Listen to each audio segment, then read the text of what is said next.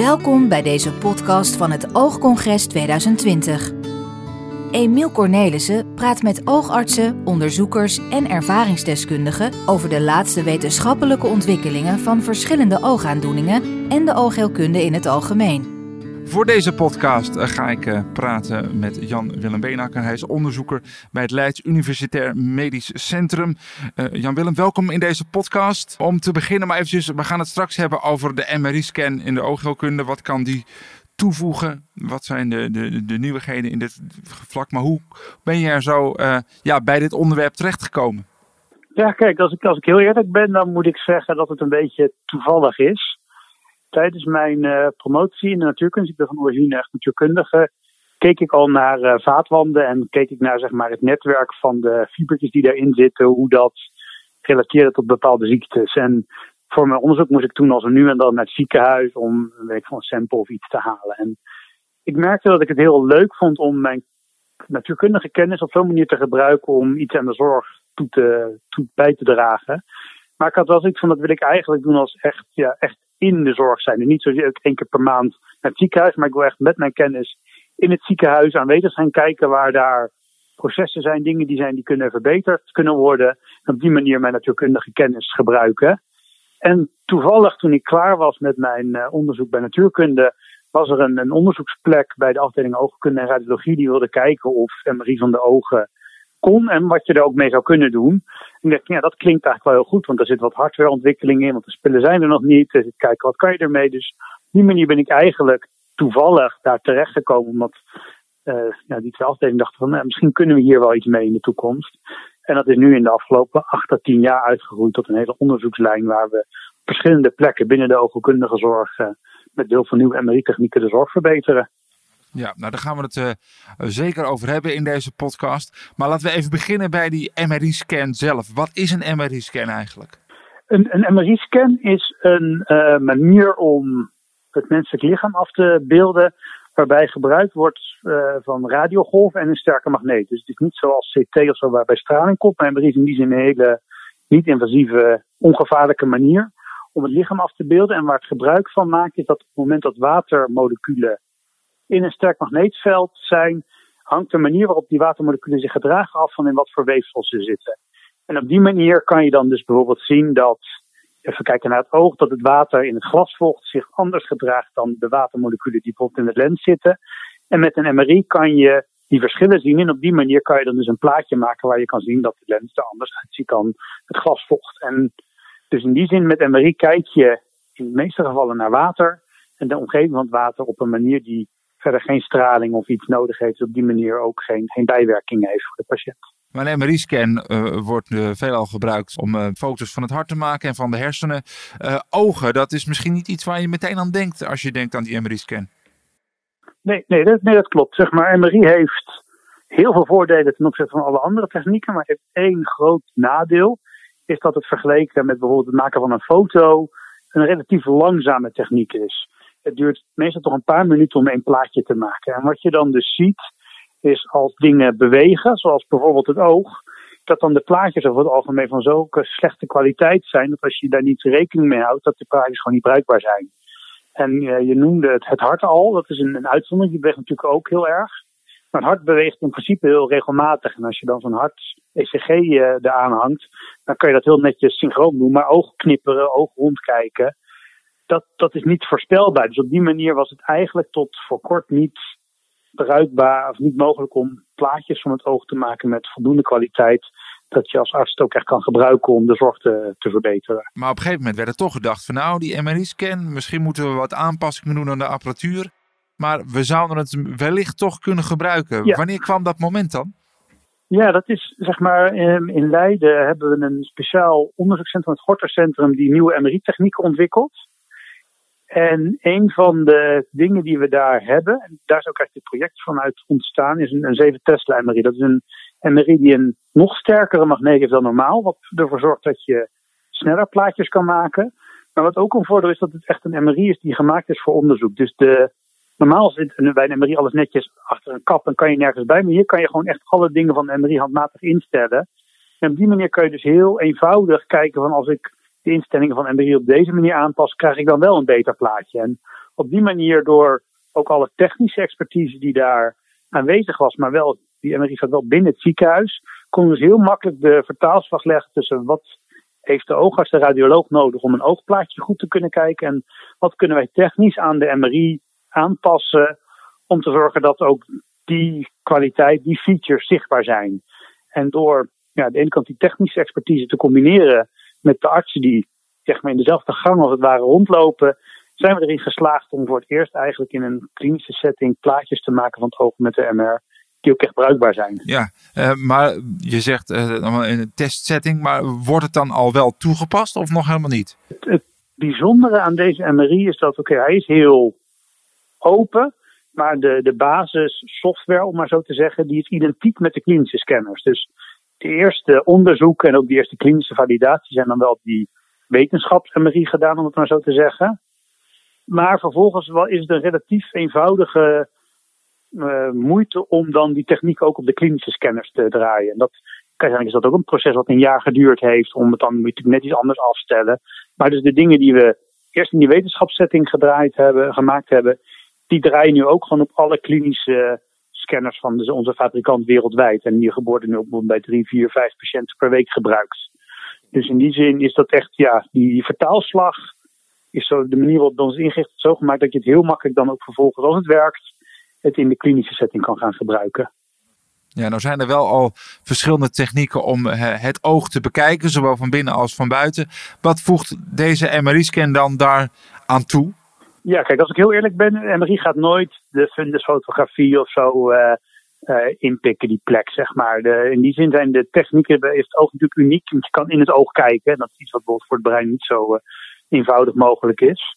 Maar MRI heeft wel een paar voordelen ten opzichte van de standaard oogkundige beeldvormende technieken.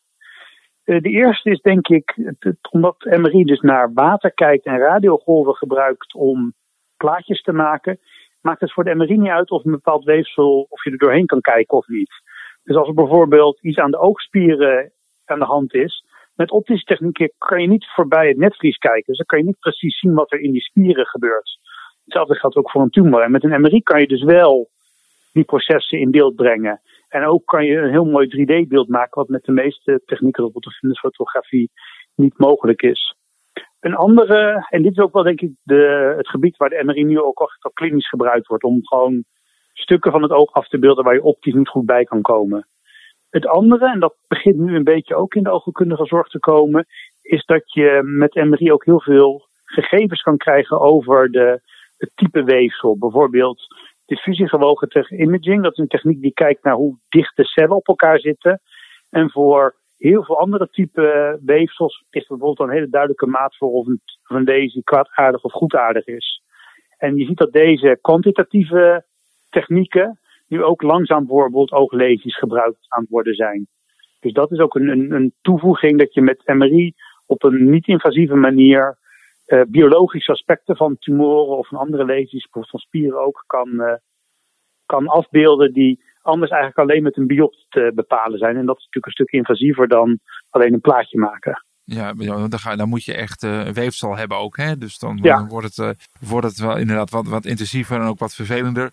Maar, uh, ja, en dan kan je het ook niet gebruiken. Bijvoorbeeld, stel je voor je wil iemand een bepaald medicijn geven en je wil kijken of het aanslaat. Dan zou je, als je puur weefsel zou moeten nemen, dan moet je elke maand een biop nemen. Ja, dat is zo invasief, dat ga je niet doen. En we zien nu wel dat bijvoorbeeld die technieken die wij nu voor oogspieren aan het ontwikkelen zijn, die worden nu al bij de beenspieren gebruikt om gewoon te kijken of een bepaald medicijn aanslaat. Want ja, het is zo'n eenvoudige scan die je dan moet maken. Dan is het in één keer loont het wel de moeite om eerder te kijken of je de, de behandeling gaat bijsturen. Zijn wij in Nederland eigenlijk uh, het eerste land dat de MRI op deze manier toepast? Ja, ik denk het, denk het wel. We, zeg maar, MRI van de ogen, er zijn ook wel andere plekken in, in de wereld die daar onderzoek naar gedaan hebben. Maar ik denk dat, dat wij in Leiden, en ik zie in Amsterdam trouwens dat ze het op het gebied van de retinoblastomen ook wel zo hebben aangepakt. Een van de eerste zijn die echt de, de, echt een, een, team hebben van aan de ene kant oogartsen, aan de andere kant radiologen, maar ook de, de MRI-fysica's, waar ik zelf dan enigszins toe hoor, die echt in een hele nauwe samenwerking samen naar die beelden kijken, samen kijken van hoe kunnen wij aan de ene kant de techniek optimaliseren, dat, dat zowel de oogarts als de radioloog ook echt samen daar klinisch uh, meerwaarde uit kunnen halen. En wat je op andere plekken wel regelmatig zag, dat er dan bijvoorbeeld een, het MRI-onderzoekscentrum, die maken dan wel hele mooie plaatjes, maar er is gewoon geen, geen verband bijvoorbeeld met de oogkundige kliniek. En daardoor blijven die technieken enigszins ongebruikt liggen. En ik denk dat wij in Leiden als niet de enige, maar wel een van de weinigen erin gestaan zijn om echt een heel nauwe samenwerking te hebben tussen alle betrokken afdelingen. En dat zie je bijvoorbeeld ook dat we zeker één keer per week met de verschillende artsen bij elkaar komen om bijvoorbeeld de beelden van de patiënten te bekijken. En dat helpt niet alleen voor om voor die specifieke patiënt uh, de meeste waarde uit die beelden te halen, maar doordat ze elkaar ook zoveel zien, uh, worden er ook heel veel andere toepassingen binnen de zorg uh, gevonden om voor een andere patiëntengroep te, ook dezelfde meerwaarde te, te kunnen leveren. En ik denk dat die, die multidisciplinaire samenwerking en ook echt het vertrouwen wat tussen de verschillende artsen is in elkaars expertise, dat dat wel echt heeft geholpen om deze techniek zo enorm te, te lanceren binnen de oogkundige zorg. Uh, ik praat in deze podcast met Jan-Willem Beenakker, onderzoeker bij het Leids Universitair Medisch Centrum. En we hebben het over de MRI-scan in de oogheelkunde. Uh, laten we het even kijken of we het ook echt concreet kunnen maken. Wanneer zou een oogarts bijvoorbeeld kunnen besluiten om te denken, nou, ik, ik heb een aantal technieken tot mijn beschikking, maar ik kies toch ook voor die MRI-scan? Ja, ik denk dat we, als ik nu bij ons in, in Leiden kijk, dat is misschien ook wel een beetje een klein gekleurd beeld, maar dat we het meeste nu gebruiken voor uh, massa's, lesies, tumoren in en rond het oog. Ik denk dat daar de, de meerwaarde eigenlijk het meest meteen duidelijk is, omdat die, die massa's zijn vaak niet transparant. Dus kan je niet kijken wat er in een tumor gebeurt. Bijvoorbeeld als een patiënt een oogmelanoom heeft, kan je met MRI heel goed afbeelden is die tumor door het oog heen gegroeid en bijvoorbeeld ook hoeveel bloed gebruikt zo'n tumor. En wat is de 3D-omvang van een tumor? En op die manier kan je, zie, zagen we eigenlijk meteen dat je die, die 3D-weergave van die tumor zorgt ervoor dat je veel preciezer je behandeling kan plannen en dus meer gezond weefsel kan sparen. Dus de, de, zeg maar de hele hoek van de oogtumoren, maar ook bijvoorbeeld deze die in de oogleden zitten, daar zien we eigenlijk dat MRI nu echt klinisch ook gewoon veel gebruikt wordt. En dat is denk ik ook niet heel verrassend als je kijkt naar dat MRI in het algemeen heel veel voor oncologische zorg gebruikt wordt, zowel voor radiotherapieplanning als ook voor de follow-up. Dus dat is denk ik het gebied waar we bij ons in Leiden nu de meeste toepassingen zien. Maar we zien ook wel dat andere stukken binnen de oogheelkunde ja, meer en meer naar voren komen. Bijvoorbeeld bij refractiechirurgie gebruiken we het om oogmodellen te maken. Maar ook bijvoorbeeld als patiënten na een staaroperatie allemaal klachten hebben die we niet helemaal kunnen, kunnen verklaren, dan kan je met, met MRI bijvoorbeeld heel goed zien hoe zit het lensje achter de iris gepositioneerd.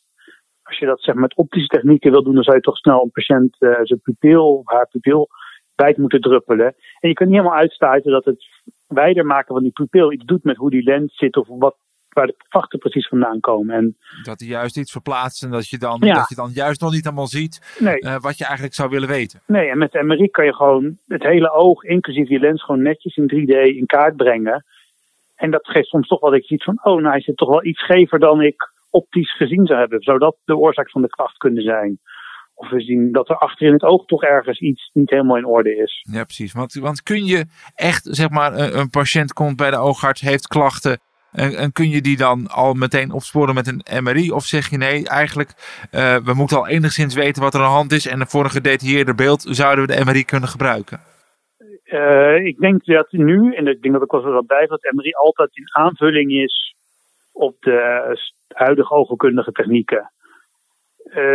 Die moet je ook voorstellen. Een MRI is een ontzettend veelzijdig apparaat.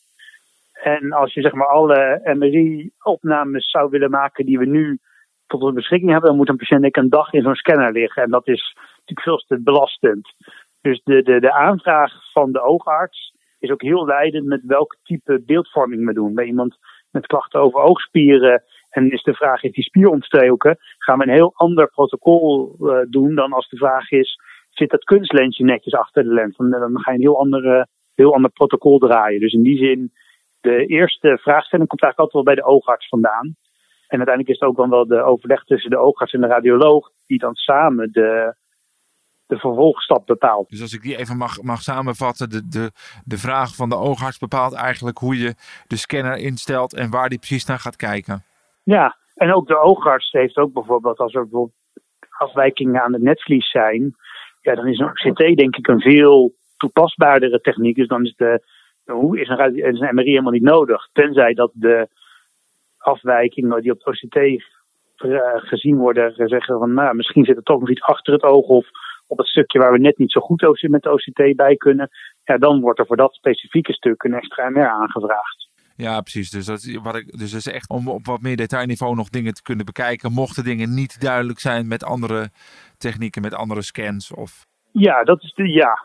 Maar ik moet zeggen, bijvoorbeeld in de, in de oncologie zit het dan wel iets.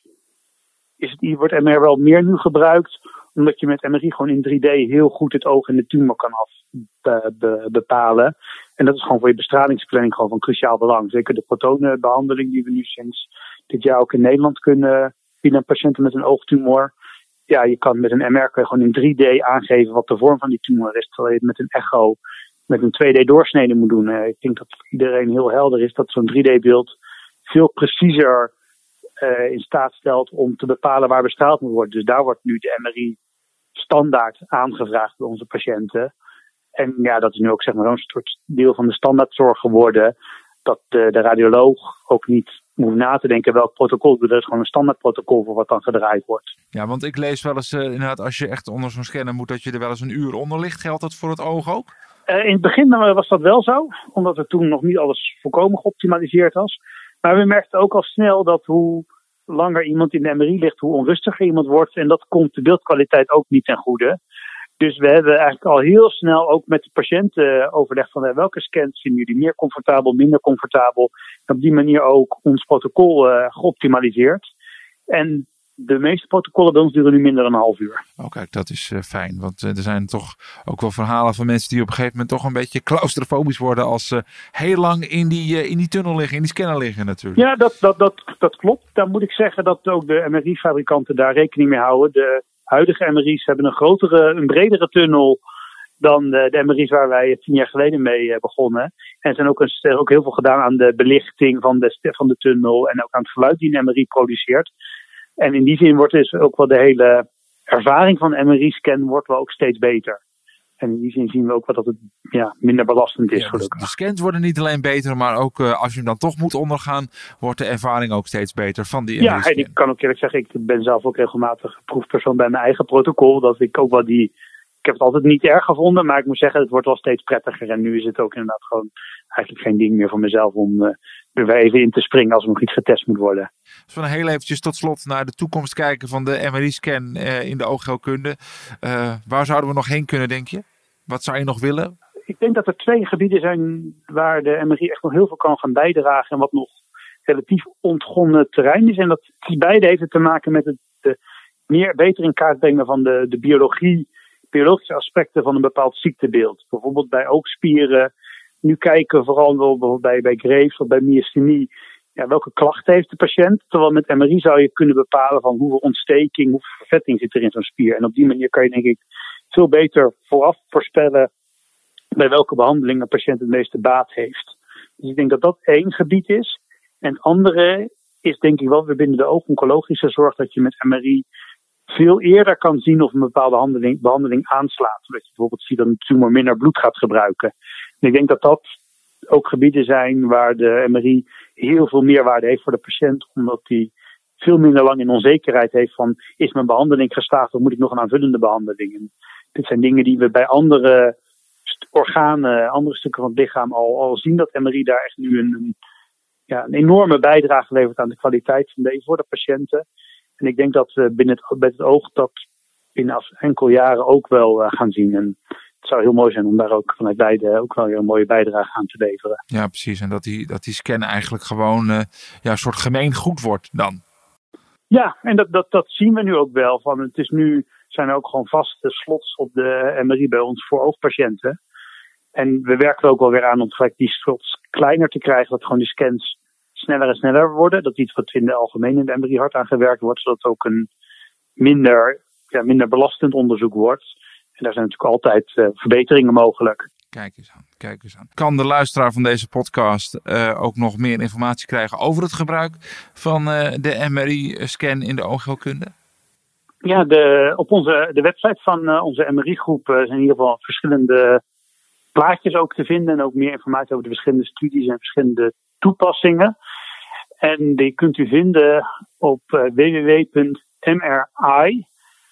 Dus dat is www.mr E Griekse I E. Dus I van oog, maar samen is het ook alweer I van MRI.nl. Daar kunt u uh, meer informatie vinden over de verschillende toepassingen van de MRI.